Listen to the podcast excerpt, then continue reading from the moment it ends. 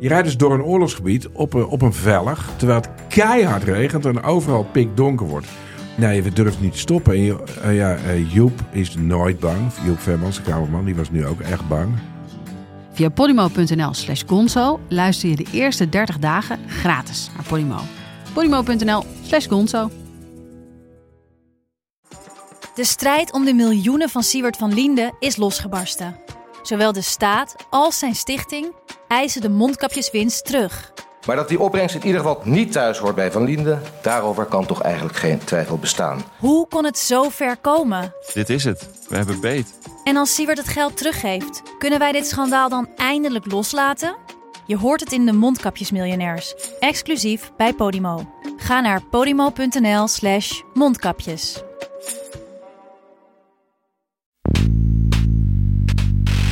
Een gesprek aan de keukentafel met je eigen kinderen, ik kan er uit ervaring over meepraten, is miljoen keer indringender dan een slechte kop in de krant voor een politicus. Daar kom je wel weer overheen.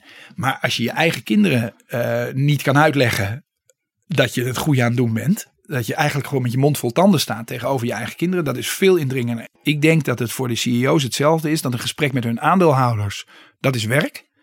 Een gesprek met hun eigen kinderen, dat is hun leven. En dat is veel indringender. En ik merk zelf dat dat een hele grote bijdrage levert aan het feit dat nu toch eh, ja, de gesprekken veranderen. De politiek, het beleid dus ook daadwerkelijk veranderen. Want beleid wordt gewoon gemaakt door mensen. En die hebben allemaal thuis een keukentafel. Dit is Betrouwbare Bronnen met Jaap Jansen.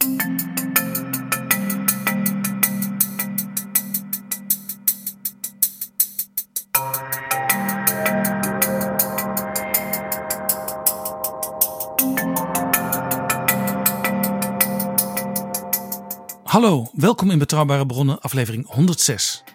Op 18 september vorig jaar, hij was nog niet eens officieel benoemd, wandelde Diederik Samsom het Brusselse hoofdkwartier van de Europese Commissie in. Een klein half jaar later lag er al een Europese klimaatwet. Hoe hij dat gefixt heeft en hoe hij er, net als iedereen overvallen door de coronacrisis, nu mee door wil gaan, praat ik met hem. Diederik Samsom, voormalig Greenpeace-activist, 17 jaar Tweede Kamerlid, politiek leider van de Partij van de Arbeid, coalitiepartner tijdens het vorige kabinet Rutte 2 en daarna een van de wegbereiders van het Nederlandse Klimaatakkoord. Welkom in Betrouwbare Bronnen. Dankjewel. Dit is Betrouwbare Bronnen. Zullen we maar meteen even met de actualiteit beginnen? Over enkele weken komt er een nieuwe versie van de Europese meerjarenbegroting. Dat is die begroting waar heel veel gedoe over was. Eh, niet in het minst vanuit Nederland. Dat daar wat hele grote vraagtekens bij zetten. Men kwam er toen niet uit. Daarna kwam de coronacrisis, dus er moest iets gebeuren. Er moet ook een herstelplan worden geschreven. Dat kost ook heel veel geld. Het idee is dat de European Green Deal, waar we straks uitgebreid over gaan praten, en de meerjarenbegroting die er al lag, plus dat herstelplan, dat die in elkaar worden geschoven. Ja, zo zou je het kunnen samenvatten. Maar dan lijkt het al heel snel gegoochel met cijfers. Kijk, inderdaad, eh, eh, een, aantal maanden geleden eh, bakkeleiden de regeringsleiders in Europa over het, het gewone MFK, het meerjarig financiële kader. De begroting van Brussel wordt altijd voor zeven jaar vastgesteld. Ehm, dat scheelt weer elk jaar gedoe, maar dat betekent natuurlijk één keer in de zeven jaar enorm gedoe. En dat was dus een aantal maanden geleden ook aan de, aan de gang. En Nederland als een van de voorvechters van de Frugal Four, de zuinige, de vrekkige vier, eh, samen met Oostenrijk, Denemarken en Zweden, eh, voerden daar de, eh, de troepen aan om de begroting omlaag te krijgen. Eerlijk gezegd, als je er nu naar kijkt, een paar maanden later, en deze enorme corona-crash die daartussenin zat, was dat klein bier. Gerommel in de marge als het gaat om. Het ging uiteindelijk geloof ik om, om 400 miljoen euro. Nou is dat geen, niet weinig geld of zo. Het ging letterlijk ook over cijfers achter de komma. Uiteindelijk wel. Ja, zeker als het gaat om de percentages. Want de begroting van de Europese Unie is ongeveer 1% van het bruto nationaal product van de Europese Unie. Ehm 1% en dan was de, de discussie, is het dan 1,08 of 1,07? Dus 1,07 of 1,08. Afijn, dat is natuurlijk best veel geld, dus ik wil daar niet al te eh, makkelijk over doen. Maar waar we nu over praten is een totaal andere orde. We hebben nu te maken met een eh, coronacrisis eh, die zich in eerste instantie natuurlijk manifesteert als gezondheidscrisis. Dat hebben we allemaal gezien. We houden ook al- allemaal nog steeds ons hart vast. En dat gaat ook nog wel even door. Maar intussen is de economische recessie al zo'n beetje begonnen. Als je kijkt naar de cijfers. En als we daarvan willen herstellen. Eh, dat is natuurlijk ook wel duidelijk geworden. En ook de les van de vorige financiële crisis, die natuurlijk wel een andere oorsprong had. Maar toch, als we daarvan willen herstellen, dan moet je snel, eh, zonder dralen, heel veel eh, geld, investeringsgeld beschikbaar stellen aan bedrijven en aan de samenleving om weer op te kunnen krabbelen. Met andere woorden, niemand zal nu nog, is de verwachting, moeilijk doen over cijfers achter de komma. Nee, dat, dat, MFK waar, waar ze toen over bakken leiden, dat wordt nu met een hamerslag afgedaan. Maar ja, daarmee is het probleem niet weg, want er is een veel groter probleem bijgekomen. Althans, een veel groter ook, eh, discussiepunt. Namelijk, hoe groot moet dan dat herstelpakket zijn en wie moet dat betalen en waar moet dat naartoe? Nou, dan ben je al een heel eind. Een van de.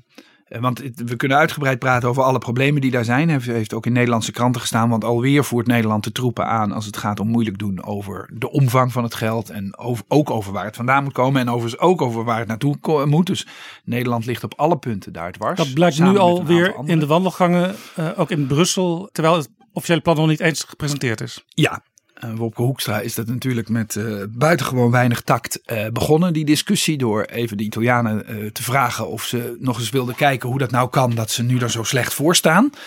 Terwijl de IC's in Italië overliepen en mensen daar echt in een, een verschrikkelijke gezondheidscrisis. Hij heeft later wel laten blijken, Wopke Hoekstra, dat hij uiteindelijk begreep dat het zo niet had gemoeten. Ja, daar heeft hij ook meer of meer excuses voor gemaakt. Dus dat is eh, nou vergeven en vergeten. Maar goed, daarmee is het de discussie natuurlijk niet beslecht. Want het, de echte inhoudelijke vraag, eh, wie moet het betalen, hoeveel moet er betaald worden en waar moet het naartoe, die moet nog helemaal gevoerd worden. Een van de manieren om wel enigszins de rijen te kunnen sluiten, is, die, is dus die Green Deal. Want eh, het is opvallend om te zien hoezeer de landen verschillen over de omvang van het pakket en de leningen en dergelijke. Maar ze zijn het vrijwel allemaal eens eh, in grote mate over dat als we dan de economie gaan herstellen, dat je dat dan maar het beste kan doen op een manier die ons een sprong in de toekomst oplevert en niet teruggaat naar het verleden. Ja, sterker nog, Nederland was daar al als een van de eerste mee bezig. Ja, Nederland voert dus de troepen aan als het gaat om het verzet tegen meer geld. En voert ook de troepen aan als het gaat om het investeren in de Green Deal. En dus het is. eh, en je kunt je voorstellen dat ik van het tweede iets meer gecharmeerd ben dan van het eerste. Maar goed. En dan is zeg maar de politieke strategie, laat Nederland nou een compromis met zichzelf sluiten. Ja, eigenlijk wel. Ja, je zou kunnen zeggen, zet Nederland nou eens in een, in een kamer met zichzelf. En laat een, een goed gesprek voeren met zichzelf over de vraag: oké, als we dan zo'n voorstander zijn van dat economische herstel op een groene manier, op een duurzame manier. Overigens ook de, de digitale wereld, eh, hè, dat was ook een prioriteit van, deze, van de commissie. Om hè, de, de digital transition, zoals dat dan in, in slecht Engels heet, eh, ook om die vorm te geven. Nederland is van beide ongelooflijk groot voorstander en is daar echt een voorvechter van. En Ja. dat siert ze ook. En je kunt ook zeggen dat zowel de klimaatkant als de digitale kant. De noodzaak daar flinke stappen te zetten is door de coronacrisis alleen maar bevestigd. Ja, feitelijk wel. Eh, dat hebben we ook wel echt gezien. Hè. De, de, coronacrisis, eh, het is natuurlijk veel te vroeg om te analyseren hoe de wereld na corona eruit ziet. En hoe wij als samenleving ons verhouden tot zo'n enorme, nog nooit vertoonde pandemie. Maar goed, je kunt je wel voorstellen dat, nou ja, voor digitaal is het bijna vanzelfsprekend. Hè. We doen nu bijna alles digitaal en we zien opeens dat eh, breedband internet eh, in elke woning toch echt een, een meerwaarde heeft. Als het gaat over je kinderen die dan onderwijs kunnen volgen of jezelf die dan een vergadering kan, kan bijwonen. Ehm, dat, dat ligt eigenlijk voor de hand. Bij klimaat is het toch het, het dieper eh, besef nu dat de manier waarop wij ons verhouden met onze, onze planeet gevolgen heeft. Gewoon consequenties heeft. De, de, de pandemie is daar een uiting van. Maar klimaatverandering is natuurlijk net zo'n eh, heftige crisis. Die zich wat langzamer, maar waarschijnlijk nog in grotere omvang gaat aandienen. Het mooie van de Green Deal was, en, en we konden natuurlijk die coronacrisis niet voorzien. Maar we hebben hem in december gepresenteerd als een groeistrategie. Eigenlijk eh, bewust een andere invalshoek gekozen dan de, laten we zeggen, wat tradi- traditionelere milieuplannen, die toch een milieustrategie waren.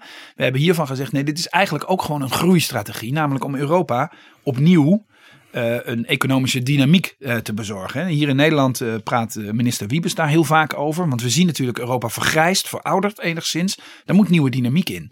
En de, de Green Deal met nieuwe technologieën en een, een schone economie eh bevatte alle ingrediënten daarvoor. Het was eigenlijk, en dat is toen ook wel eens gezegd, een soort Marshallplan.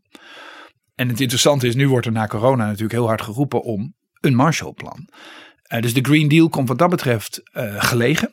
Alleen, het is wel zo dat als je hem na corona wil vormgeven, dan moet je natuurlijk niet, niet doen alsof er niks gebeurd is.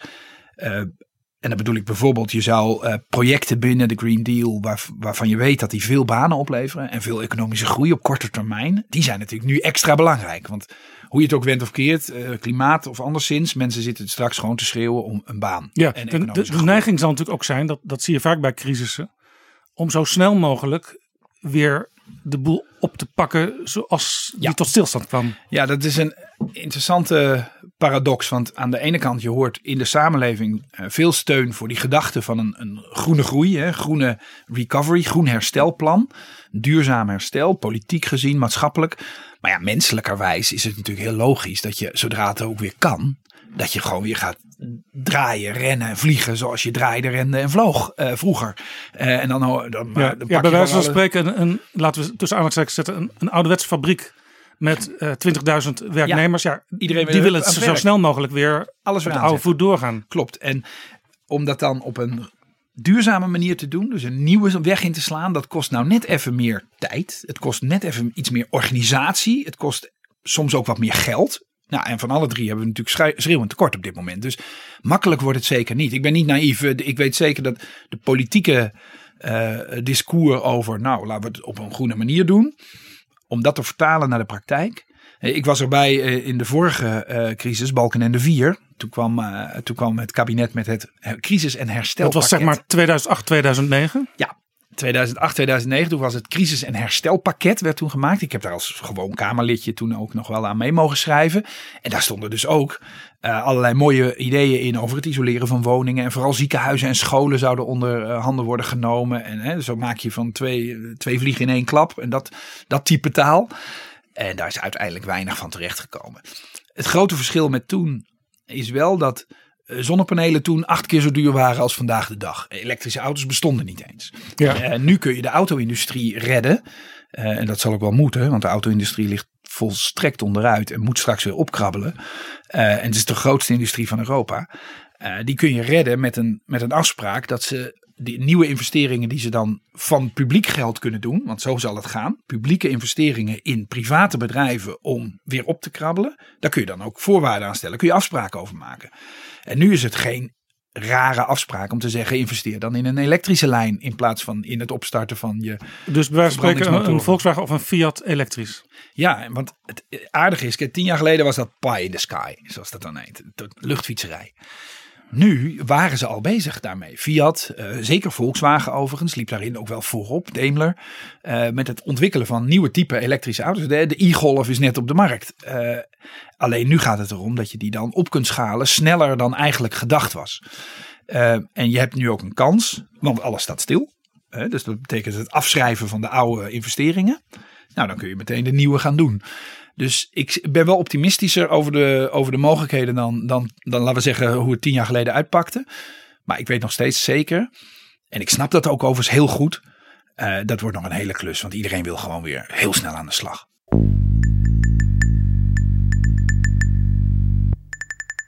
Laten we kijken naar uw werk in Brussel.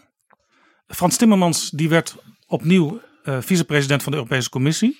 En ditmaal vooral belast met het klimaatbeleid. Wat uiteindelijk de European Green Deal werd. Hij belde u op een gegeven moment om te vragen van... Diederik, wil je dat voor mij komen helpen vormgeven? Ja, zo ongeveer. Ja, in de zomer. Toen waren we nog niet helemaal zeker van het feit dat die Green Deal portefeuille ook daadwerkelijk naar, eh, naar Frans Timmermans zou gaan. We waren ook nog niet eens zeker of hij welke precieze vicepresidententitel. Want elke keer wordt die commissie weer op een andere manier net vormgegeven. Afhankelijk van de wensen van veel lidstaten. Dat hun commissaris toch een wat grotere is ook titel een heeft. enorme politieke onderhandeling. Dat is echt, dat is, daar is het samenstellen van een kabinet in Nederland. Dat mocht, heb ik ooit een keer mogen doen. Is daar een kind bij. Als je kijkt, dat is echt. eh, Ja, en dat begon natuurlijk al met, met eh, Frans Timmermans was een van de kandidaten Ja. om de president te worden. ja, die Dat tombola. ging allemaal niet door. En toen kwam er iemand die totaal uit de hooghoed kwam. Ja. Ursula von der Leyen. Ja, over die tombola kun je nog boeken schrijven. Dat is inderdaad waar. Maar goed, zij kwam. Eh, Zo, gaat het nou eenmaal. Dat weten we. Eh, en, dan, en eerlijk is eerlijk. Er is natuurlijk ook wel een interessante. eh, het was een interessante omstandigheid. Want zij kwam van de, de, EVP, de Europese Volkspartij. dus de CDA op Europees niveau. Van middenrechts, zeg maar. Eh, maar daar zaten niet genoeg stemmen om haar aan, de, aan die positie te helpen in het Europese parlement. Want uiteindelijk moet het Europese parlement wel instemmen. Ja, want rechts, er zit nog wel meer rechts, extreem rechts zelfs. Maar ja, die willen niks weten van dit soort plannen. Nee, die gingen dit ook nooit steunen en haar ook niet steunen. En is- zelfs als ze dat hadden gedaan, is het geen meerderheid. Je moet over links een meerderheid halen in het parlement. Dus, Dus er is- moest een veel breder politiek programma komen. Ja, en een veel groener politiek programma dan eh, de Europese Volkspartij eigenlijk zelf had bedacht. Eh, ik heb wel- de ik Europese eens- Volkspartij zit natuurlijk traditioneel ook nog vaak een beetje in de hoek van de, van de traditionele boeren. en de traditionele industrie. Eh, en nogmaals, die, die komen ook wel over de brug, maar die komen van ver. En ik heb er wel eens naar gekeken. Het programma waar- waarmee Ursula von der Leyen zichzelf in het parlement heeft gepresenteerd om die meerderheid van stemmen maar te halen, dat was ons programma. Dat was het programma van de eh Sociaaldemocraten in Europa. Dus ik, ik keek er al met enige verlangen naar, zonder dat ik nog wist dat Frans Timmermans ooit een keer ging bellen. Ik dacht zo, dat wordt een prachtige eh, klus. De Want- Green Deal vormgeven op Europees niveau, dat is natuurlijk Dat begrip, een European Green Deal, stond in dat programma. Ja. Het stond ook in ons politieke eh, programma. Eh, het is ook uit Amerika komen overwaaien. Het is helemaal niet nieuw bedacht natuurlijk. Het bestaat al een tijdje. Een beetje, eh, natuurlijk de analogie met de, de, New Deal van Roosevelt. Nou, mm, de- dit dan op een groene leest geschoeid. Maar hoe dan ook, het, het was natuurlijk een, een fantastische ambitie. Hè? Opeens doorschakelen naar 55% CO2-vermindering in 2030. Dat klinkt een beetje technisch, maar dat, komt erop, dat is eigenlijk wat we in Parijs met elkaar ooit een keer beloofd hebben. En waar we tot nu toe nog steeds niet eh, aan, aan voldoen. Nee, dus eigenlijk wat al, wat al afgesproken is op grote plechtige toppen, dat is, wordt nu omgezet in. Europese regels. Ja, in Europees en, beleid. en vervolgens nationaal ook. Maar het was dus even een heel politiek moment. En nog voordat u zelf een rol kreeg in Europa, committeerde von der Leyen en haar hele commissie, maar ook bijna het hele Europese parlement aan dat doel. Er moet een klimaatpact komen. Ja.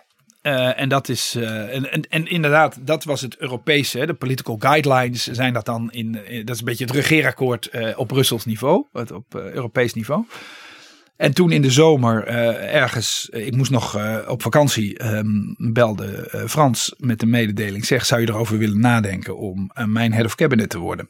Chief of staff-achtige. Dat is de groep rond eurocommissarissen zit een groep medewerkers die het politieke werk verrichten. Ongeveer 20, 25 mensen zijn dat bij elkaar. En nou ja, dat wordt dan aangevoerd door een head of cabinet, want die groep heet het cabinet. Eigenlijk een opperbureaucraat. Ja, ja, absoluut. Ik ben gewoon een ambtenaar, maar wel met een vrij politieke rol. Maar, eh, maar toch, eh, ja, nee. eh, Met, dus ik moest ook wel even nadenken, omdat ik nooit had bedacht dat ik mijn leven zou oppakken en naar Brussel zou gaan.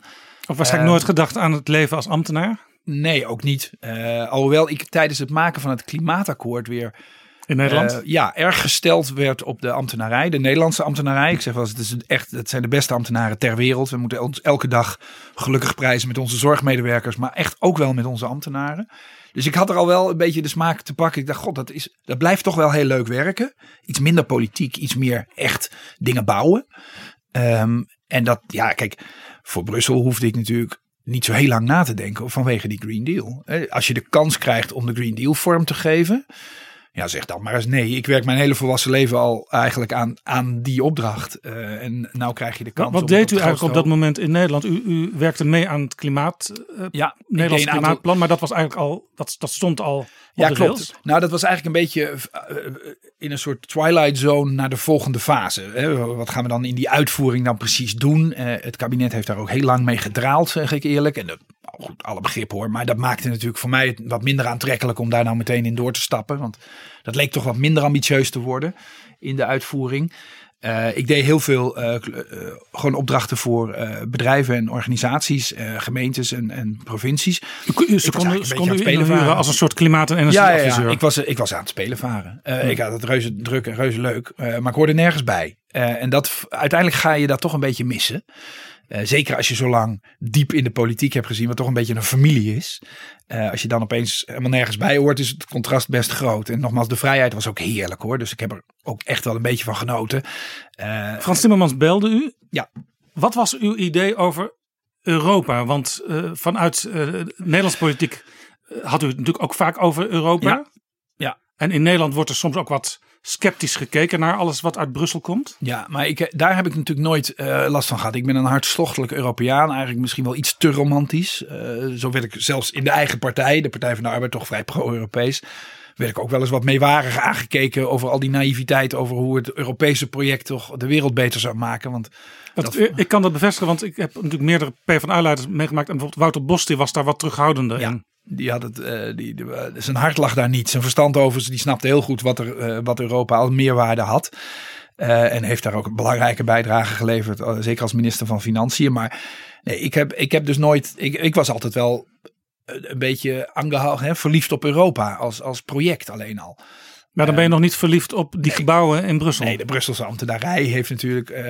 en ik moet je eerlijk zeggen, meteen, laat ik dat maar meteen ophelderen. Dat is me dus reuze meegevallen.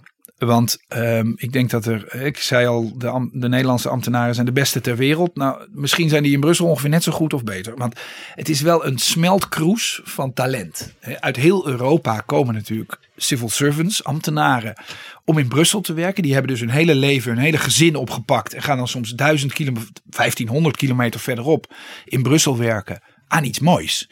Dus het is buitengewoon betrokken, buitengewoon begeesterd.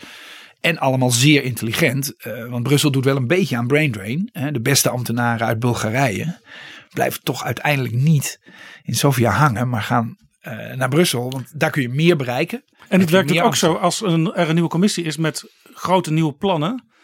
Dan kan ik me ook voorstellen dat veel ambtenaren blij zijn, want er is eindelijk weer iets om de tanden Ja. in te zetten. Ja, de Green Deal werd ook in de Brusselse, in het Berlemont gebouw, hè, waar al die ambtenaren dan zitten. Ook wel eens Berlin Monstre genoemd. Ja, Belle Monstre genoemd, waarom, waar, hè, waar alle ambitie wordt eh, doodgeslagen en alles in intriges wordt stuk gescheurd. Maar maar dat is dus niet helemaal zo. Nee, nee. Natuurlijk, het is een. eh, god, el, elk kantoor wordt toch beheerst door internal office politics. Daar zijn boeken over geschreven. Dat, en eh, zeker op politiek niveau. Eh, maar Brussel is minder eh, heigerig. En ik denk zelf, omdat dat komt, omdat het toch een beetje in de schaduw staat. Hè? Die, die 24 uur camera-economie die we hier hebben in, in het gebouw waar ik nu zit, hè, in het Tweede Kamergebouw. Dat heb je daar niet. Dus je kunt iets rustiger opereren. Je kunt je iets meer fouten veroorloven, want je wordt ook niet meteen gestruikeld. Ehm, en dat maakt het beter. En inderdaad, de Green Deal, ehm, de nieuwe politiek van deze nieuwe commissie, is door veel mensen in het Berlemont-gebouw als een bevrijdingsfeestje ervaren. Want opeens mocht er weer van alles en kon er weer van alles. En kon je dus heel ver eh, denken en groots denken ook. En ik heb dat ook zelf heel erg aangemoedigd bij iedereen. Elke, in elke nieuwe vergadering kon ik weer vragen, joh, kan het niet nog een tandje meer? Want waarom zouden we ons laten leiden door gebrek aan ambitie? En Frans Timmermans wist natuurlijk hoe u ten opzichte van het klimaatprobleem stond en dat u daar allerlei ideeën over had. U kwam dus daar binnen en u had eigenlijk al in het hoofd een plan. Ja, nou dat was. Ja, dat klopt. Kijk, ik heb, ja, als je er zo lang mee bezig bent, dan, dan, dan pretendeer je te weten eh, hoe je het moet aanpakken. Dat is overigens bloedlink. Dus je moet wel elke keer bereid zijn om die eh, plannen weer te testen aan de echte realiteit of aan betere plannen. Dus ik heb mezelf een paar weken opgesloten eh, in, een, in een kamer. En alles ge- gezien wat er ook in de Brusselse eh, eh, machinerie al was geproduceerd. Er wordt ongelooflijk veel denkwerk verricht en stukken gemaakt en voorgekookt. Heel veel daarvan zie je het nooit. Nee, er liggen ook altijd scenario's, hè, verschillende Prachtig, mogelijkheden ja. om dingen aan te pakken. En ik heb daar eigenlijk een soort bloemlezing van gecreëerd. En dat is de Green Deal geworden. Het, het ziet er ook een beetje uit als een bloem. Hè? Het is, want het verschil van de, met, tussen de Green Deal en een gewoon milieuplan. Brussel heeft natuurlijk tientallen van die dingen geproduceerd in de afgelopen twintig jaar. Maar het verschil is wel, we hebben ons niet beperkt tot één onderdeel. Dus het is niet alleen energie, het is niet alleen klimaat, het is niet alleen transport. Maar het is ook, eh het is alle drie, maar dan ook nog biodiversiteit, natuur. Ja. Hè, in deze Het, het, het uitsterven van soorten. en het uitsterven van soorten, een, een- misschien wel een grotere crisis, een grotere bedreiging eh, dan, dan het klimaat. En ze hebben overigens erg veel met elkaar te maken. Maar ook landbouw.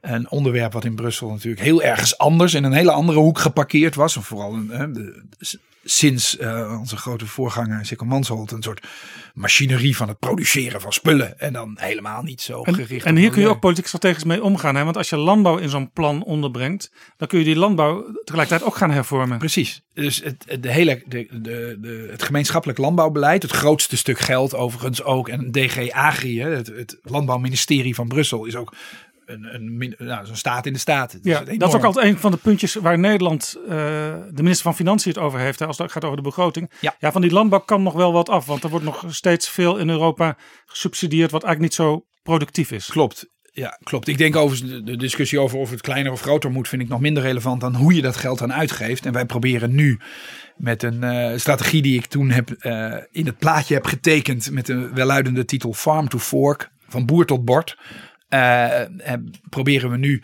het landbouwbeleid ook op een duurzame lees te schoeien. En, En dat plan komt over enkele weken. ja, dat komt de tweede helft van mei komt dat uit.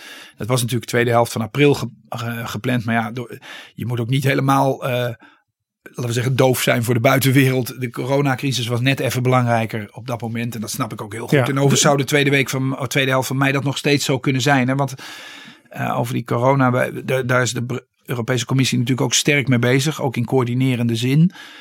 We houden nog wel een beetje ons hart vast. Eh, lang niet overal in Europa is, is die beroemde R0 eh, laag genoeg om achterover te kunnen leunen. In sommige plekken overigens wel. Eh, heel goed gedaan. Eh, Ja. Maar, er zijn natuurlijk ook nog, ook nog ideeën dat er een tweede of een derde golf nog kan volgen. Ja, of dat we op een hoog plateau blijven. Hè, dat, is dat, dat het aantal doden en het aantal zieken Ja. en het aantal mensen wat op de intensive care terechtkomt gewoon hardnekkig hoog blijft. En Ja. dat, is, dat is buitengewoon eh, ingewikkeld. Maar goed, zo'n strategie Farm to Fork, eh, van boer naar bord, ja, eh, komt eraan. Eh, dus er is eigenlijk, corona heeft niet gezorgd voor structurele vertragingen van dingen. Nee, en we, willen we ook echt eh, proberen vol te houden. Kijk, de, de- corona is erbij gekomen. Er is geen enkel maatschappelijk vraagstuk en maatschappelijke opdracht weggegaan. Eigenlijk heeft corona al die dingen alleen maar versterkt. En het overigens iets lastiger gemaakt om ze op te lossen. Vanwege de recessie die er nu aankomt. Ehm, maar we hebben echt tegen elkaar gezegd: nee. Ehm, die, de, klimaatcrisis ehm, wordt even aan het zicht onttrokken, maar is, is zeker niet verdwenen. En sterker nog, sommige dingen zullen we dus nu dus versnellen. Bijvoorbeeld het, het isoleren van woningen. Eh, daar kun je heel veel banen mee creëren. Juist in, die, in dat midden- en kleinbedrijf, wat waarschijnlijk het hardst wordt getroffen. En dat isoleren van woningen, dat is, is eigenlijk letterlijk overgeschreven uit wat u in Nederland Ja, al had daar, gedaan. kon ik, daar kon ik wel putten uit de Nederlandse ervaring. Eh, want ik had natuurlijk een klein stukje van het klimaatakkoord mogen doen. Toevallig precies het, het stukje wat ging over het isoleren van woningen. En het aansluiten op een andere manier van verwarmen. Mark Rutte die vertelde dus dat hij een afspraak met u had. Gewoon om s'avonds een keer te gaan eten. En dat u even iets later binnenkwam, want u was nog even ergens binnen geweest bij Ja. mensen thuis in een kruipruimte. Ja, dat heeft hij op een congres zelfs verteld. Nou goed, eh, liever mag dat ook wel. Maar eh, ja, het was inderdaad. Ik was eh, op weg naar een afspraak met, met hem om te gaan eten. En ik fietste langs een, een, zo'n typische jaren 60 galerijflat. En we hadden net die dag in het kader van het klimaatakkoord met allemaal experts gediscussieerd over hoe je nou bepaalde type woningen nou het beste kon isoleren. En ik herinner me van die dag was een hele discussie ontstaan. Ja, het is bijna te, te, te veel om te vertellen, maar over de vraag of dit type flat, waarvan er echt heel veel in Nederland staan, of die nou een kruipruimte hadden of niet. Of je, hè, want als je een kruipruimte hebt, dan spuit je van die balletjes erin en dan is het heel snel geïsoleerd. Lekker makkelijk. Ook goedkoop en snel en efficiënt. En experts waren daar niet over eens. En ik had dat zin, nou, ik weet er niks van. Of niet genoeg in ieder geval. En ik fietste die avond er langs. Ik dacht, weet je wat? Ga kijken. Dus ik belde aan. Er is vast iemand thuis in Er is vast iemand, ja, zo ga ik alle zes de bellen indrukken en dan heb je wel iemand.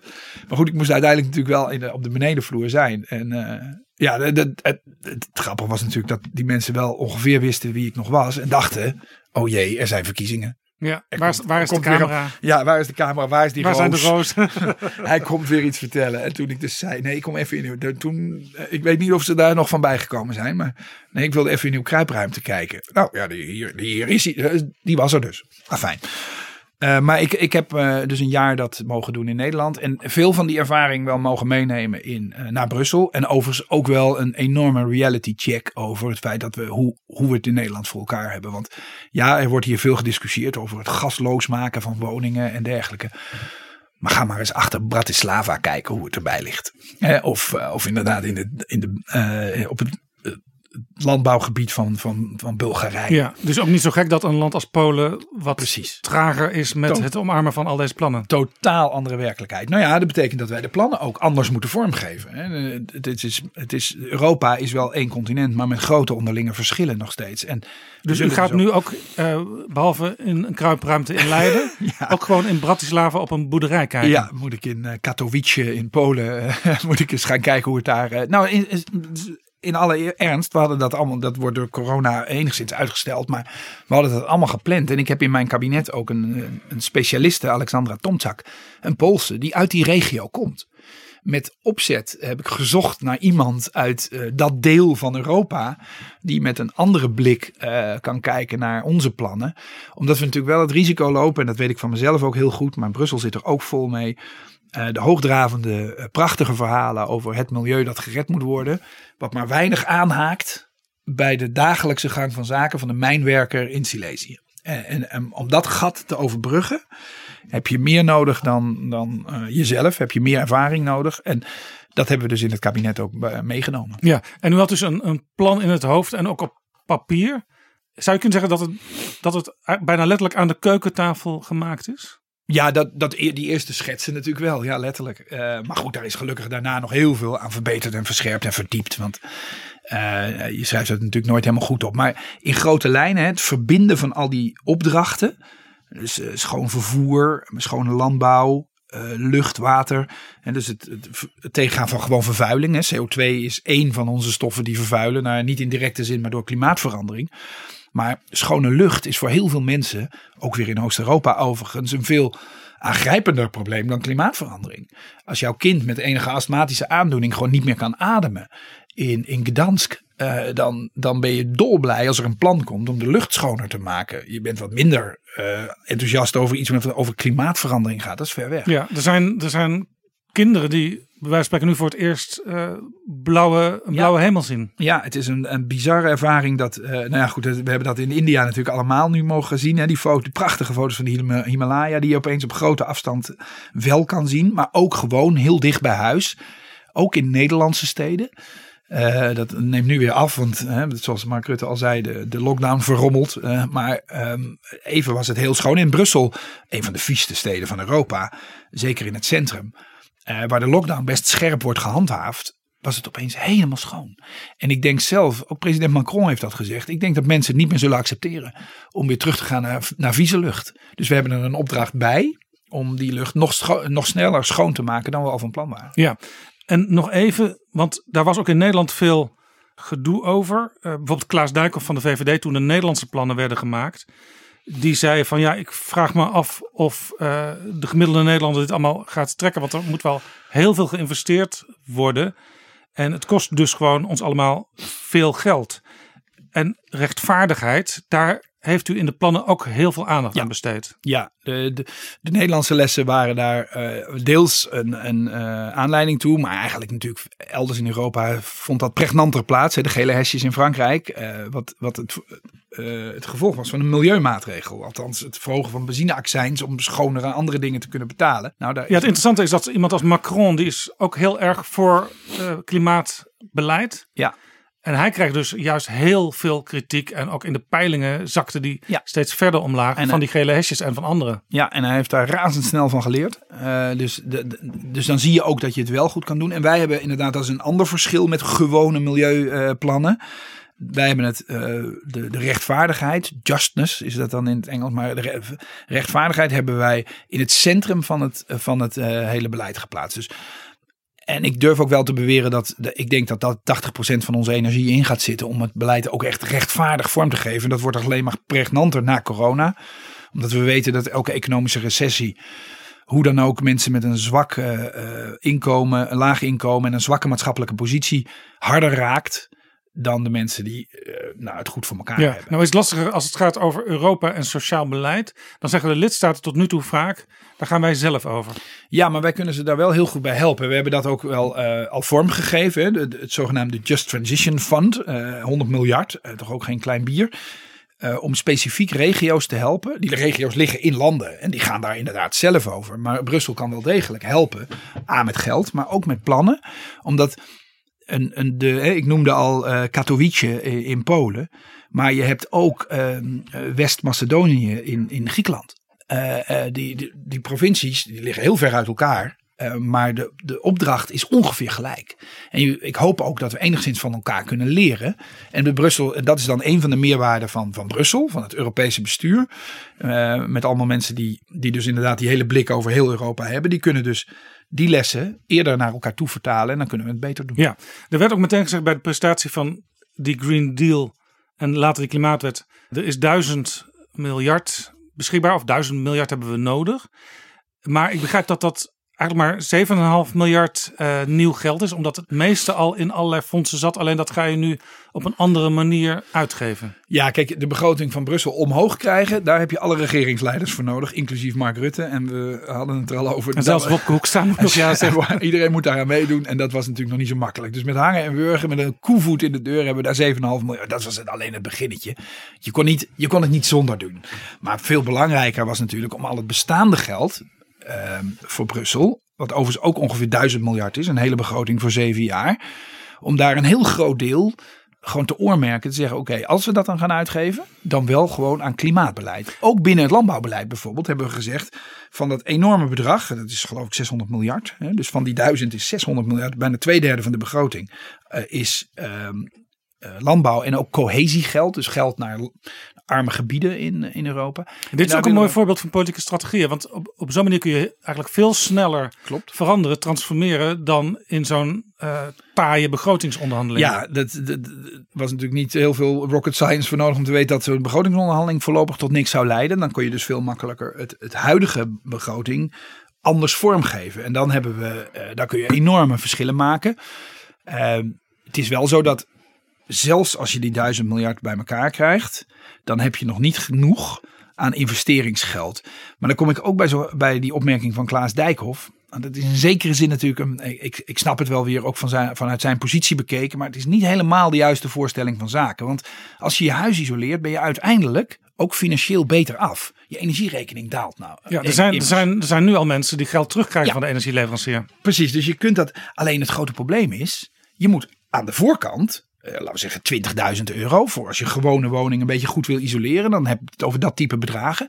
Ja, wie heeft er nou 20.000 euro? Nou, best een paar mensen, maar niet gewoon eh, iedereen hier in Nederland. De crux is dat je die 20.000 euro ook helemaal niet eh, vraagt van die persoon die daar woont, maar gewoon zelf investeert, als bijvoorbeeld als energiebedrijf of als aannemer. En dan heel langzaam dat bedrag laat terugbetalen door die bewoner. Omdat zijn energierekening nou eenmaal daalt en hij dus wat geld overhoudt. En zo kun je iedereen tevreden maken. Eén voorwaarde. Iemand moet op de voor, aan de voorkant die 20.000 euro voorschieten. Want die makelaar heeft het natuurlijk ook niet ja, één keer, maar niet honderd keer. Als hij 100 huizen wil verbouwen, is hij op die manier failliet. Ja, en daar, daar komt de Die overheid om de aannemer- hoek kijken. En daar kan de, de, de overheid dus aannemers helpen. Zo'n aannemer gaat natuurlijk niet Brussel bellen. eh, Dus die gaat de lokale bank bellen. Maar wat Brussel kan doen, is die lokale bank dan weer van een garantie voorzien. Zodat die lokale bank dat durft uit te lenen aan die aannemer. En zo maak je de cirkel rond. Eh, en eh, de Brusselse bank, dat heet de EIB, de Europese Investeringsbank. En we, in het onderdeel van de Green Deal was dus een plan om daar ettelijke honderden miljarden eh, op deze manier klaar te zetten voor het isoleren van woningen. Nu komt corona, nu valt de bouw straks helemaal stil. Er is natuurlijk een schreeuwende behoefte aan dat plan. Dus wij zijn nu al heel erg met onder andere de EIB bezig om dat te versnellen. Corona leidt niet tot vertraging, maar juist tot versnelling daar. Ja. Die Green Deal die was al op 11 december. Op 4 maart kwam de klimaatwet. De klimaatwet dat is een soort kader, hè? want daar staan nog niet alle details in, neem ik aan. Nee, van de klimaatwet komt er geen zonnepaneel eh, bij. Eh, de klimaatwet is echt een, een, inderdaad de strik om het pakket. En het is ook een beetje een, eh, disciplinering van onszelf. Ehm, en dat is nu met corona wel heel pregnant geworden.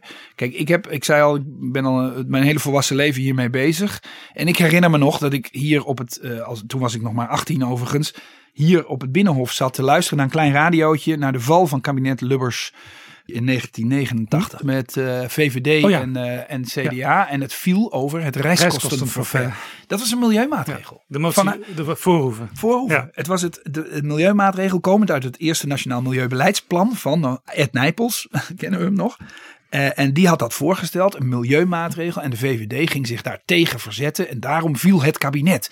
Voor het eerst was er een groot politiek belang met milieu. En het milieu was altijd een beetje in de marges, daar ging het nooit over. En nu viel er een kabinet over een milieumaatregel.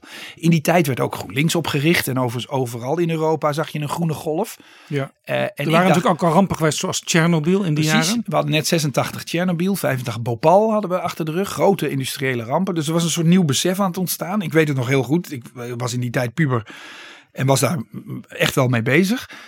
En ik dacht, nou, nou gaat het veranderen. Nu gaat de wereld... De, de jaren 90 zijn gedomineerd Ja, door zo- de nieuwe economie, door de enorme groei. En we hebben er nooit meer Zo van slim, zo verstandig zullen ze toch wel zijn in Den Haag. ja, dat gaan ze doen. En dus, hup, en eh, we werden afgeleid door iets nieuws. En in 2007 of 8 weet ik nog, kwam Al Gore ons land binnenwandelen met een film.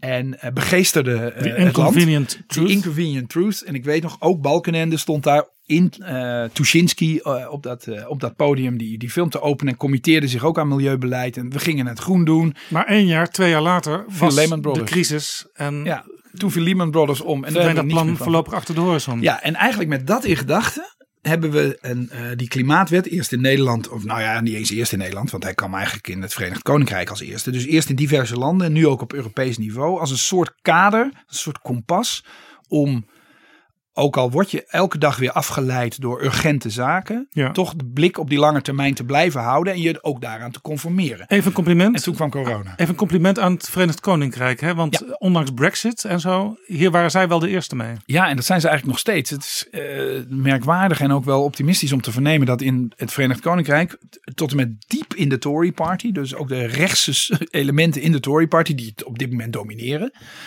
eh, is klimaatbeleid onomstreden prioriteit. Ook Boris Johnson. eh, ook Michael Gove en, en al die houtdegens en haviken eh, als het gaat om Brexit. En waar wij met rollende ogen naar kijken af en toe en naar luisteren.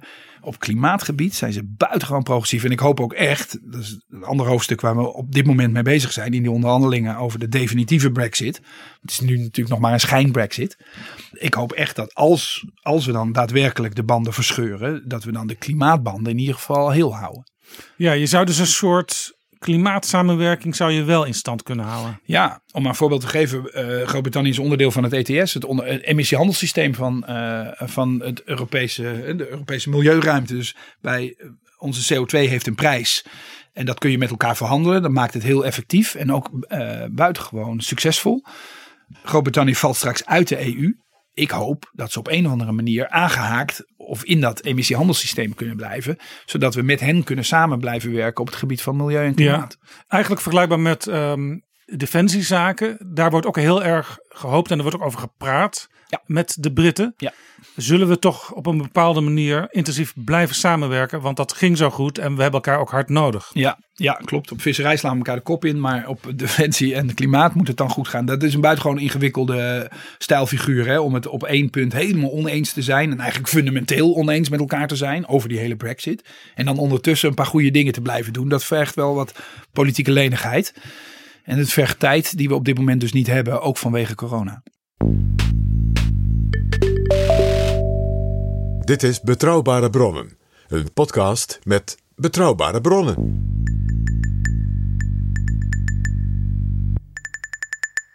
De klimaatwet, daar staan eigenlijk, u zei het in het begin al, de dingen van het akkoord van Parijs Ja. in. Namelijk Europa klimaatneutraal 2050. Ja. En in 2030 tenminste 50 CO2-reductie. minder CO2-uitstoot.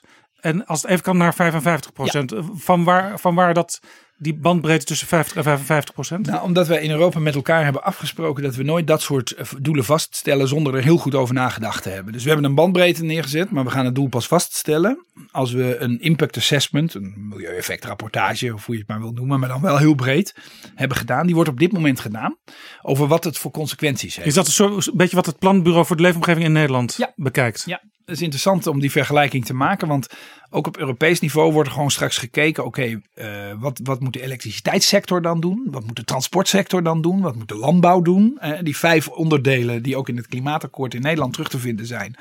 Die worden ook op Europees niveau helemaal geanalyseerd. Kijken we wat de investeringen zijn die daarvoor nodig zijn. Dat zal nog wel een, eh, flinke discussie worden. Wat het oplevert. Ik hoop dat dat een wat optimistischer verhaal is. En of, en of het dan verantwoord is om inderdaad die 55% als doelstelling vast te stellen. Europa staat natuurlijk onbekend dat wat wij hier in de supermarkt eh, kopen, daar staat precies op wat erin zit. Ja. Eh, waar het ook vandaan komt. Er komt natuurlijk ook heel veel uit de wereld waar heel veel eh, CO2 bij is komen kijken bij de Ja. productie.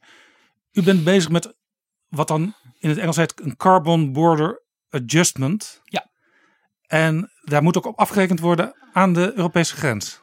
Zo ongeveer, letterlijk ja. Eh, kijk, ook dat is wel weer een verschil met vroeger. Ehm, Europa stelt zich nu toch iets assertiever op eh, ten opzichte van de rest van de wereld. Ook als het gaat om dit klimaatbeleid. We zijn eigenlijk altijd al enigszins koploper. Het, het houdt ook niet over hoor. Maar toch, Europa liep wel voorop. En was dan altijd bereid om nou ja, enigszins in te schikken als andere landen dat dan niet wilden. En wat, eh, wat we bijvoorbeeld dan deden is onze eigen industrie eh, moet natuurlijk wel concurreren met andere industrieën. Wij hadden door ons CO2-beleid, ons klimaatbeleid, lag het, het, het zogenaamde playing field, het speelveld voor de Europese industrie hoger. In China ligt het lager. Dan gingen we dat voor onze industrie dan toch ook maar even weer verlagen. Eh, Door gratis rechten uit te delen. Ja. Overigens eh, heel begrijpelijk, want ja, je Level niet- playing field. Ja, level playing field. Wat we nu doen is eigenlijk het omgekeerde. We verhogen het, het playing field voor Chinees staal. Dus als er een rol Chinees staal hier aan de deur klopt in Europa en zegt ik wil naar binnen, is prima. Moet u nog een paar CO2-rechten kopen. Want dan mag u de grens pas over als, als staalrol zijnde. Eh, en zo trekken we dan het, het playing field ook recht. Level playing field, maar dan op een hoger niveau. En ehm, dat is buitengewoon ingewikkeld, want je, dit is veel meer dan een Excel-sheet. Hè. Dat, eh, het- je kunt natuurlijk uitrekenen, Amerikaans staal, Ne- Europees staal. Maar ja, Trump past niet echt in een Excel-sheet. Eh, dus het is ook politiek gezien, want je moet je, ja, je, je kunt er een beetje vergif op innemen wat er aan de andere kant van de oceaan Ja. gebeurt. E- Maar even, even, het feit dat we daar nu niet bang voor Ja. zijn, vind ik optimistisch. even tussen haakjes. Blijft Trump president of kan Joe Biden het toch nog worden? Geen flauw idee. Ik, ik heb Nou, voor- u, bent, ik heb- u bent gespecialiseerd in Ja. politieke strategie. Ja, maar eh, juist daarom weet, weet ik dat hier dit niet te voorspellen is. Dat is eh, en ik, helaas, want ik had graag rustiger geslapen. eh, met, de, met de voorspelling in mijn hoofd. Maar nee, dat, dat is absoluut niet te voorspellen. En overigens, daar komt nog deze ongelofelijke corona-crash bij. Die in Amerika buitengewoon beroerd wordt aangepakt.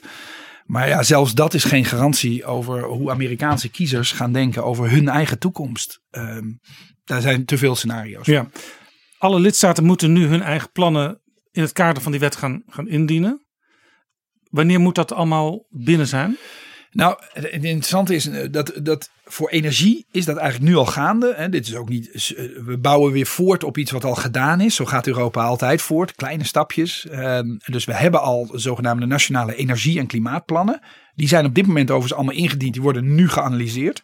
eh, over de vraag of we de, de doelstelling die we tot nu toe hadden in 2030, namelijk minus 40%, of we die wel halen. Gelukkig is de uitslag daar waarschijnlijk van ja zeker.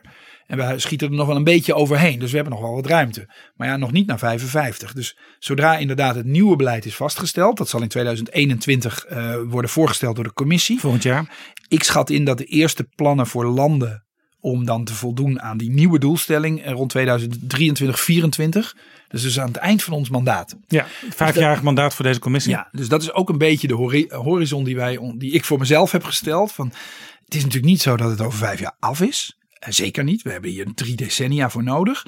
Maar het moet wel zo zijn dat we over vijf jaar onomkeerbaar een wissel hebben omgezet richting die duurzame toekomst. Als we dat over vijf jaar voor elkaar hebben, dan is de missie geslaagd. Ja.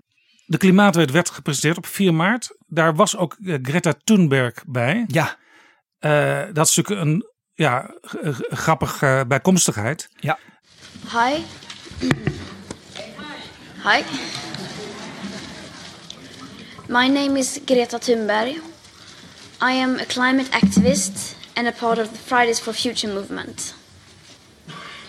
When the EU presents this climate law and net zero by 2050, you indirectly admit surrender, that you are giving up giving up on the Paris Agreement, giving up on your promises, and giving up on doing everything you possibly can to ensure a safe future for your own children. Because this law is based on an insufficient CO2 budget that in reality gives us much, much less than a 50% chance of limiting the global average temperature rise to below 1.5 degrees Celsius. This climate law is surrender because nature doesn't bargain and you cannot make deals with physics. And we will not allow you to surrender on our future. Toen haar de microfoon en de camera werd voorgehouden, toen was ze eigenlijk helemaal niet enthousiast over de plannen. Nee, maar ik heb haar nog nooit enthousiast gehoord over politici. En uh, dat begrijp ik overigens heel goed. Zij heeft zich uh, uh, buitengewoon kwaad gemaakt. Dat is haar, haar, levenshouding over het, het, hoe volwassenen omgaan met haar wereld. Zag, zag, u een beetje de, de puber en misschien daarna ook nog de twintiger die u zelf was? Nee, zij is een totaal ander meisje. En daarmee ook een, een, volstrekt een fenomeen. En inmiddels is het veel meer dan Greta Thunberg. Het is een hele generatie geworden. En dat maakt mij wel ongelooflijk optimistisch. Al die scholieren die op vrijdagen demonstreren. Ja, ik durf te beweren dat dat de belangrijkste reden is dat de Green Deal er überhaupt is.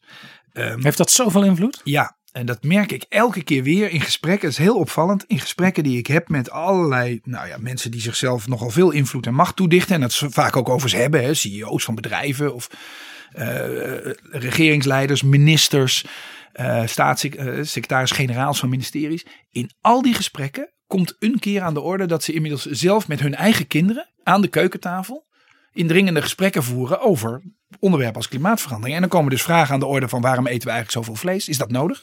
Waarom vliegen we de hele tijd over de hele wereld? En wat doe jij eigenlijk, pap, Ja. voor werk? Wat doe jij eigenlijk om de wereld Ja, beter te ja, het maken? komische is dat ik hoorde eerder dan langs andere weg hoorde ik van mijn 16-jarige buurjongen dat hij ging demonstreren. Ik wist nog überhaupt niet dat de demonstraties aankwamen. Nou, precies. En ik, durf- een gesprek aan de keukentafel met je eigen kinderen, ik kan er uit ervaring over meepraten, is miljoen keer indringender dan een slechte kop in de krant voor een politicus. Ik, ik was politicus en ik weet dat dat vreet aan je soms, en soms ook weer niet, eh, wat minder. Maar daar kom je wel weer overheen. Maar als je je eigen kinderen eh, niet kan uitleggen dat je het goede aan het doen bent. Dat je eigenlijk gewoon met je mond vol tanden staat tegenover je eigen kinderen. Dat is veel indringender. En ik, ik denk, ik ben geen CEO van een aandeelhouder eh, van een beursgenoteerd bedrijf geweest. Maar ik, ik denk dat het voor de CEO's hetzelfde is. Dat een gesprek met hun aandeelhouders, dat is werk. Een gesprek met hun eigen kinderen, dat is hun leven. En dat is veel indringender. En ik merk zelf dat dat een hele grote bijdrage levert aan het feit dat nu toch eh, ja, de gesprekken veranderen. De politiek, het beleid dus ook daadwerkelijk veranderen. Want het beleid wordt gewoon gemaakt door mensen. En die hebben allemaal thuis een keukentafel. En daar zitten kinderen aan en die, en die stellen indringende vragen.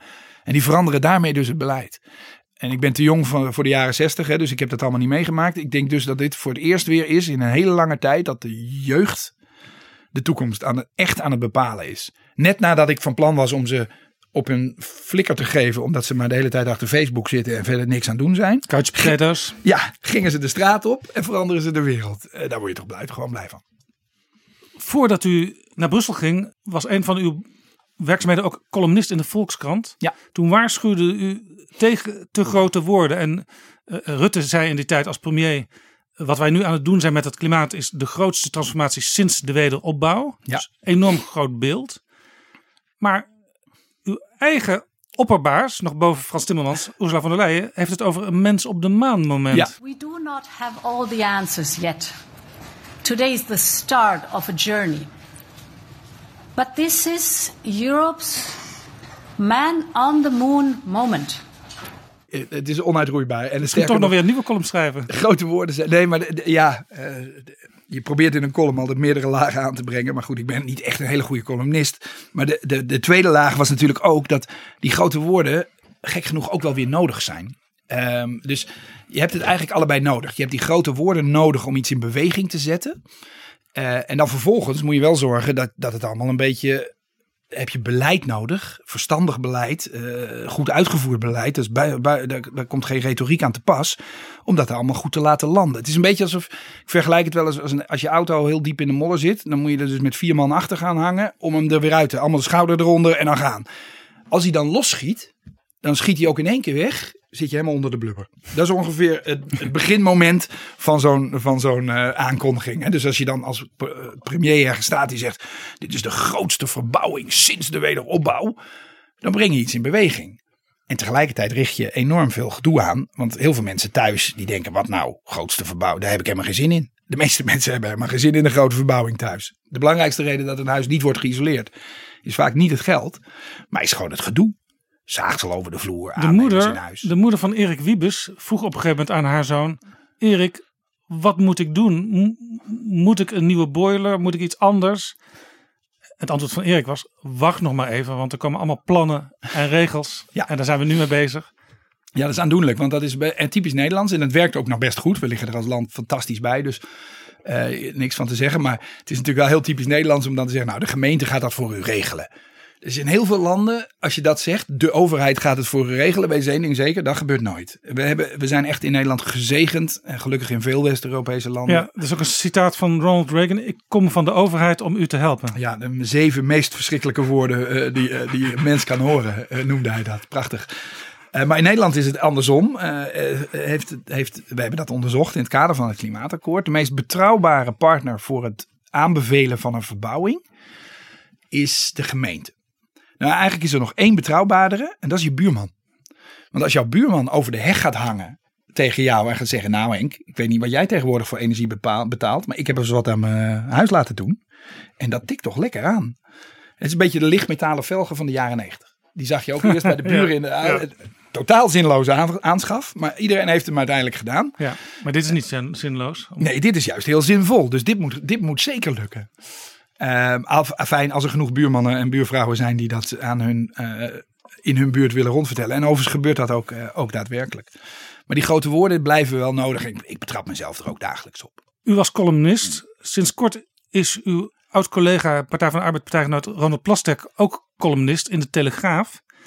En hij schreef afgelopen vrijdag dat hele klimaat- en energiebeleid, daar deugt helemaal niks van. Want zonnepanelen, er is maar een aantal uren per dag zon.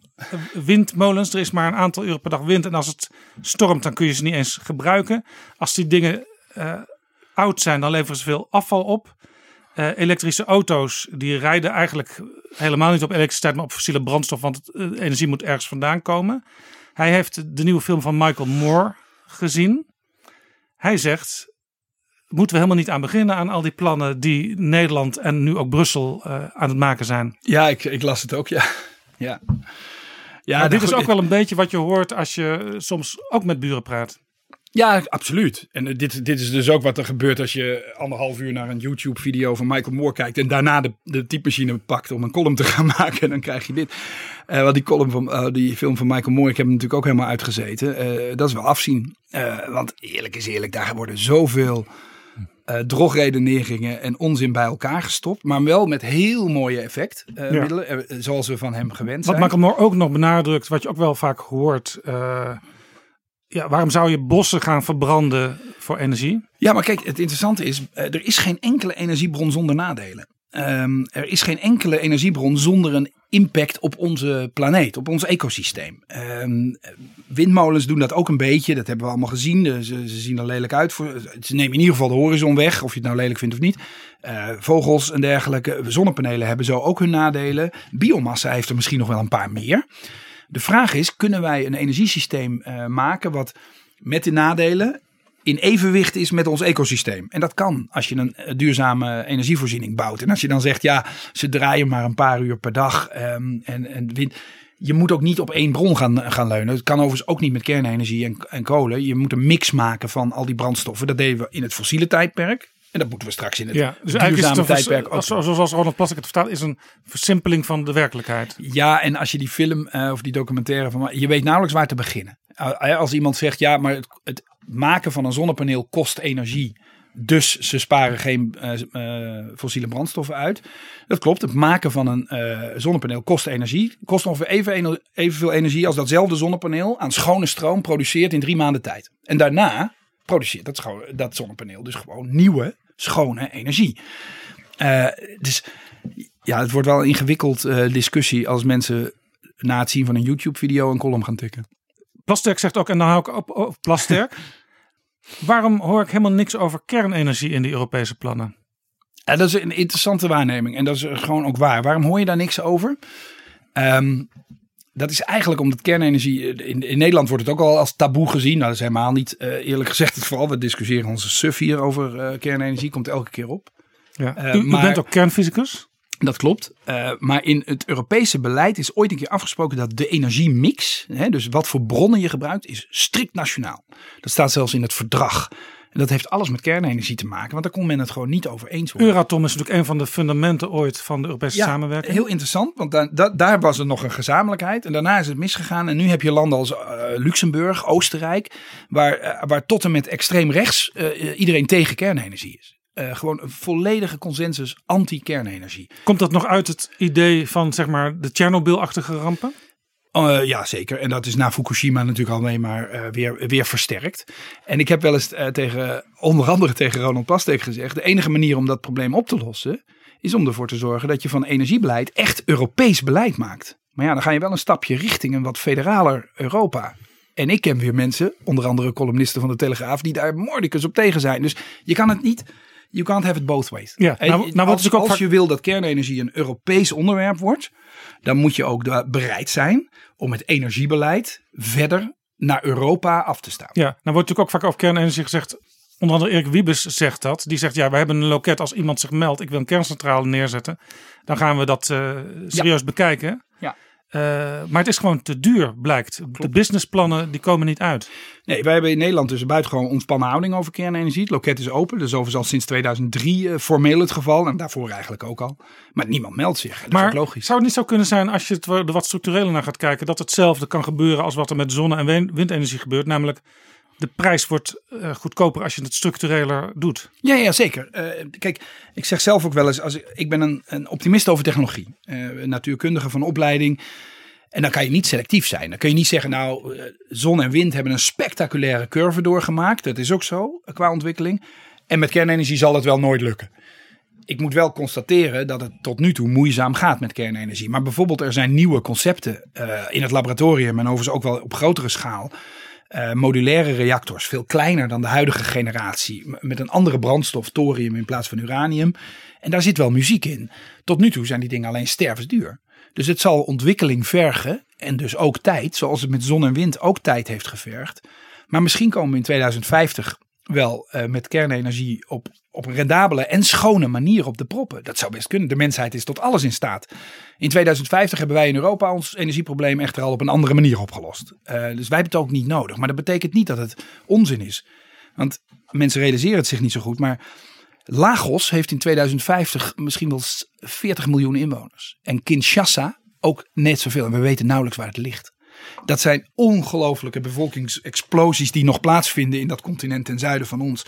Het zou best kunnen dat nieuwe vormen van energie, bijvoorbeeld zo'n schone kerncentrale, een uitkomst is om zo'n menselijke mierenhoop op een schone manier van energie te voorzien. Ja, wat u betreft is het dus niet taboe. Alleen er liggen zeker in Europa nog veel bezwaren. Ja, kijk, die grote centrales die we in de jaren zeventig uh, gingen, gingen ontwikkelen en daarna allemaal hebben gebouwd ja, die zijn gewoon aan het eind van hun, hun cyclus. Dat gaat niet meer worden. Die zijn gewoon te duur, uh, te ingewikkeld, te groot.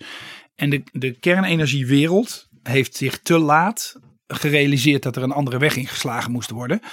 Uh, en ik ben de laatste om daar vrolijk over te zijn. Want als ze dat eerder men zich dat had gerealiseerd, hadden we nu misschien inderdaad een extra schone betaalbare energiebron gehad. Maar feit is dat we dat nu niet hebben. Dat was de kritiek van mensen als Plasterk.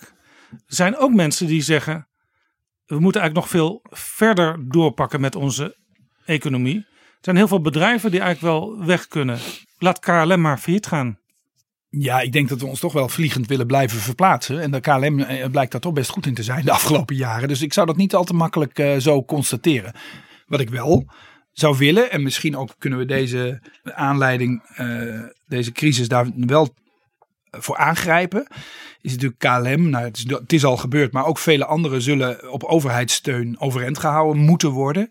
Je kunt aan die overheidssteun natuurlijk wel een paar voorwaarden verbinden. Kijk, het is publiek geld wat we dan met z'n allen in een bedrijf storten. Overigens voor goede redenen. Nogmaals, mensen willen graag zich over grote afstanden kunnen verplaatsen. En eh, soms is vliegen daarvoor gewoon de enige. Ja. Of, ja, je kunt haalbare sowieso als optie. overheid het in aandelen omzetten waardoor je kunt meepraten. Ja, maar je kunt het ook op een andere manier doen. Je geeft nogmaals publiek geld, dat geef je onder voorwaarden. En dan kun je zeggen, nou, als jullie nou wat sneller dan je van plan was investeren in schonere vliegtuigen. Als je wat minder concentreert op continentale vluchten, hè, want intercontinentaal eh, of intracontinentaal Europese vluchten, dat zou toch eigenlijk hè, naar Parijs vliegen? Why?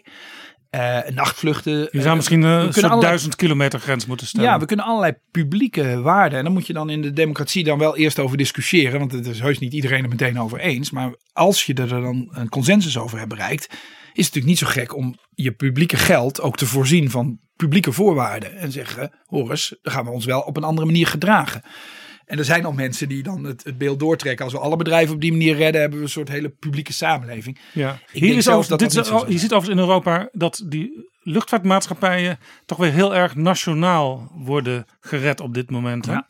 Zelfs Air France KLM, daar is een Franse tak en een Nederlandse tak die apart gered worden. Bij Shell zie je dat niet. Hè? Dus eh, de- de- het kan wel op een andere manier gebeuren. Shell is natuurlijk oorspronkelijk Brits-Engels of Brits-Nederlands. Ja, maar bij, bij luchtvaartmaatschappijen is blijkbaar toch een soort nationale trots die gered moet Ja, worden. en het is ook vaak een pijler, en in Nederland is dat ook het geval, onder een, een, een groot stuk van je nationale economie. Eh, we hebben gezien daar waar nationale luchtvaartmaatschappijen failliet gaan, in België is dat overkomen, eh, dan, dan krabbel je toch maar moeilijk weer op. Dat, dat, dat kost echt een breder stuk economie dan alleen die paar vliegtuigen. En dat, dat, ja, ik vind het soms zelf ook rot om, om eh, toe te geven, maar dat vliegen, dat, eh, dat draagt een deel van onze economie. We moeten dus we kunnen ons niet gemakkelijk van afmaken door te zeggen laat KLM maar verdwijnen. Het is iets moeilijker dan dat. Maar je kunt wel degelijk streven naar een schoon eh, transport. Want vliegtuigen, tien jaar geleden hebben we tegen ons voorhoofd getikt als je het had gezegd. Maar steeds meer vliegtuigen kunnen zelfs elektrisch vliegen. Nou, dan heb je natuurlijk nog de grote airliners. Dat wordt een beetje ingewikkeld. Maar daar kun je brandstoffen in stoppen die helemaal geen CO2 meer verstoken in de atmosfeer. Dus gewoon kunstmatige brandstoffen, e-fuels zoals dat Ja, heet. maar- Gemaakt maar- uit maar- waterstof en andere Maar grondstoffen. elektrisch vliegen is toch vooral nog eh, korte afstanden. En dat zijn juist de afstanden die u eigenlijk liever ziet verminderen. Ja, maar dat is dus nu nog het geval. Maar tien jaar geleden was elektrisch vliegen een totaal wa waanzinverhaal. Eh, hebben al die accu's de lucht in. Dat is een soort tegen de, tegen de zwaartekracht inwerken. En toch eh, eh, lijkt het nu te kunnen. Ja, bedrijven als Siemens zijn daar bijvoorbeeld mee bezig. Ja, en het vergt nog één sprong in de batterijtechnologie vooral. Hè. Dus als wij nu slagen in om de lithium-ion batterij, dat, dat ding wat in de Tesla zit en andere, dat is nu ons beste ding, ons beste batterij. Maar de natuurkunde verbiedt niet om er nog twee slagen beter te maken. Dat kan zelfs. Ehm, en veel laboratoria gebeurt dat nu. Als dat nou zou lukken, vingers gekruist houden, met wat extra geld. En misschien gaan we daar in het kader van het investeringspakket na corona ook wel daadwerkelijk zwaarder in investeren. Dan, dan is elektrisch vliegen nog mogelijk ook. U zit nu sinds een half jaar in Brussel. De Nederlandse politiek bent u al wat langer uit, 2017. Hoe kijkt u nu vanuit Brussel naar Nederland? Want mijn ervaring is dat mensen die een tijdje weg zijn uit die biotoop waar ze heel lang in gefunctioneerd hebben, eh, toch vaak een wat andere kijk van een afstand krijgen. Nou, logisch, hè, van buiten ziet, het er, ziet iets er altijd anders uit dan van binnen. Eh, dat geldt eh, voor je huis, maar dat geldt dus ook voor de, voor de politiek. Het is wel zo, je kunt mij natuurlijk wel uit de politiek halen, maar de politiek nooit helemaal uit mij. Dus ik ben het wel heel ernstig blijven volgen. Ehm, soms met meewarige blikken van mijn thuisfront eh, aan toe. Ja, ja u, bent Ehm, nu, u bent nu in feite topambtenaar, maar u praat nog wel Ja, ik denk met niet het dat- enthousiasme van een politicus. Ja, ik denk niet dat dat verdwijnt. Ik heb ook bewust gekozen voor die head of cabinet positie waarin je iets grotere vrijheid hebt dan als je echt in het, diep in het ambtelijk apparaat eh, wordt ondergebracht. Maar goed, eh, ik kijk naar Nederland. Ik kijk nu vooral naar Nederland met, met enige zorg, omdat eh, ja, de, de vraagstukken of de vraag hoe we uit deze corona ons oprichten, hoe Europa zich uit deze ellende opricht, wordt mede bepaald door hoe Nederland zich in Europa opstelt. eh, ten aanzien van dat investeringspakket wat nodig is eh, na corona. Ik denk dat echt we de fase voorbij zijn dat ieder voor zich dit probleem te lijf kan. Het cynische is, Nederland zou dat misschien ieder voor zich nog wel kunnen. We hebben een begroting dankzij het beleid van de afgelopen 10, 20 jaar Ja. die dat aan. Hoekstra zegt, ik heb diepe zakken. Ja, eh, maar die diepe zakken heb je niks aan als je de spullen niet meer kan verkopen. Eh, aan landen die inmiddels die, die door het gebrek aan diepe zakken onderuit zijn gegaan. Ja, En noem maar Italië, noem maar, Italië. Spanje. Maar hetzelfde geldt bijvoorbeeld voor, eh, eh, we hadden het al over de auto-industrie. Als je de auto-industrie in Europa wil oprichten, kan dat niet land voor land. Want Duitsland kan natuurlijk Volkswagen gewoon van geld voorzien tot het een ons weegt, zeg maar, dat, tot het in het eindeloze. Maar Volkswagens worden dan niet gebouwd, want 40% van de onderdelen van een Volkswagen komt uit Noord-Italië. Eh, en als daar de industrie inzakt, eh, dan gebeurt er dus niets meer. En hetzelfde geldt voor heel veel andere onderdelen van onze productieketen. Het is helemaal Europees geworden. En ik hoop dat Nederland zich dat op tijd gaat beseffen. Eh, want we hebben niet heel veel tijd meer om, om ons hieruit op te richten. En in ieder geval een plan neer te leggen om ons hieruit op te richten. Om ook het vertrouwen van onze consumenten, van onze burgers, te behouden. Ik heb natuurlijk zelf meegemaakt in 2013. Uh, want het consumentenvertrouwen zakte vorige week geloof ik in tot een, met een historische klap naar min 22. Nou, in 2013 stond het min 42. Het gebrek aan consumentenvertrouwen was het grootste probleem van Nederland op dat moment. Daarom zijn we ook vrij traag opgekrabbeld uit, uit die crisis. Want als, ja, want als consumenten geen vertrouwen hebben, dan kopen ze ook niks. Dat zijn gewoon mensen. Dat zijn u en ik. En als je thuis zit en je, de, en je hebt geen vertrouwen in de toekomst, dan hou je A, je hand op je zak, want je gaat niet, geen geld uitgeven. En je wordt er ook niet je wordt er ook niet ondernemer van. Je gaat niet nieuwe dingen verzinnen om eens te gaan bedenken, om het te gaan doen. Je gaat geen huis kopen, je gaat geen, geen gezin stichten. Uh, allerlei dingen die gewone mensen doen als ze gelukkig uh, zijn en, en de toekomst zonnig inzien. Als we het consumenten, het, het, vertrouwen van onze Europeanen de komende maanden een, een slag toebrengen, doordat we het als regeringsleiders niet met elkaar eens kunnen worden, dan hebben we totaal nodeloos schade aangericht. Dat was toch een soort politieke oproep aan Nederland vanuit Brussel? Ja, zonder daar nou precies een handleiding bij te geven. Want ik realiseer me goed genoeg dat Nederland ook zelf heel goed in staat is om haar positie precies te bepalen. Maar de grondhouding, ja, daar, daar vind ik wel wat van. En die grondhouding die zou toch echt moeten zijn.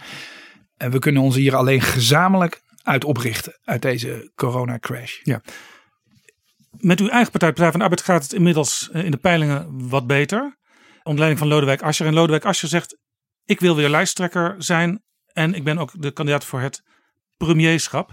Ja. Nou heeft u in het verleden ook wel eens uh, geprobeerd gesprekken te voeren over linkse samenwerking. Hè, met partijen als GroenLinks, soms ook een beetje met de SP, een beetje met D66.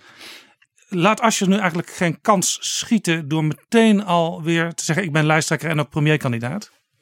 Nou, dat sluit nog niet uit dat je op een of andere manier met, met de linkse uh, andere partijen, met name GroenLinks, een samenwerkingsverband aangaat. En daar wordt ook wel over gesproken. Er is al over gesproken en dat blijft ook nog altijd gaan. Dat zal ook nooit weggaan. Uh, dat is van alle tijden. Uh, GroenLinks en Partij van de Arbeid zijn zelf ontstaan uit, uit dat soort gesprekken. Van onze voorgangers dan weer. Um, en dat is inmiddels alweer lang geleden. Mijn opvatting daarover is bekend ik, ik, ik vind dat GroenLinks, en ik denk dat GroenLinks en de Partij van de Arbeid samen de toekomst in zouden moeten op een of andere manier.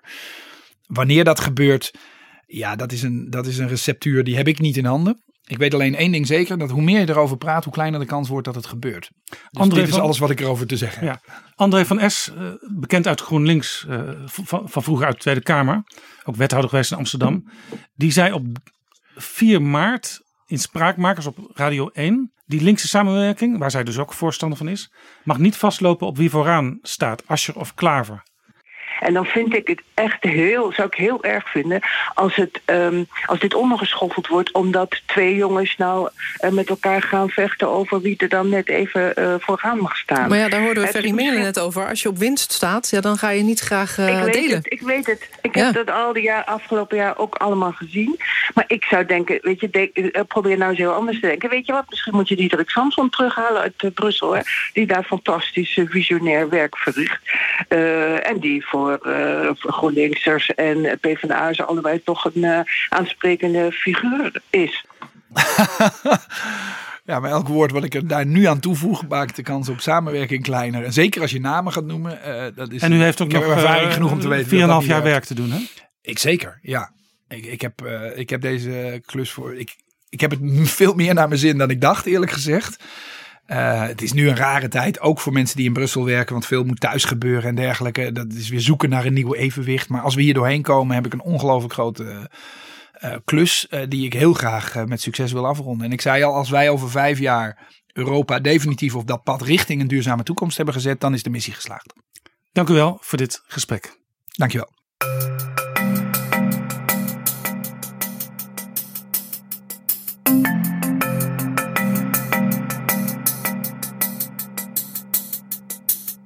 Zo, dit was Betrouwbare Bronnen aflevering 106.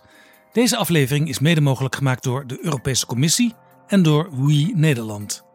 Overweeg je Betrouwbare Bronnen te sponsoren of in deze podcast te adverteren? Stuur dan een mailtje aan Flip Kilian Adams. Dat is flipapenstaartdagennacht.nl. Heb je vragen of opmerkingen? Mail dan naar Betrouwbare Bronnen, apenstaartdagennacht.nl. Tot de volgende keer. Betrouwbare bronnen wordt gemaakt door Jaap Jansen in samenwerking met dag en nacht.nl.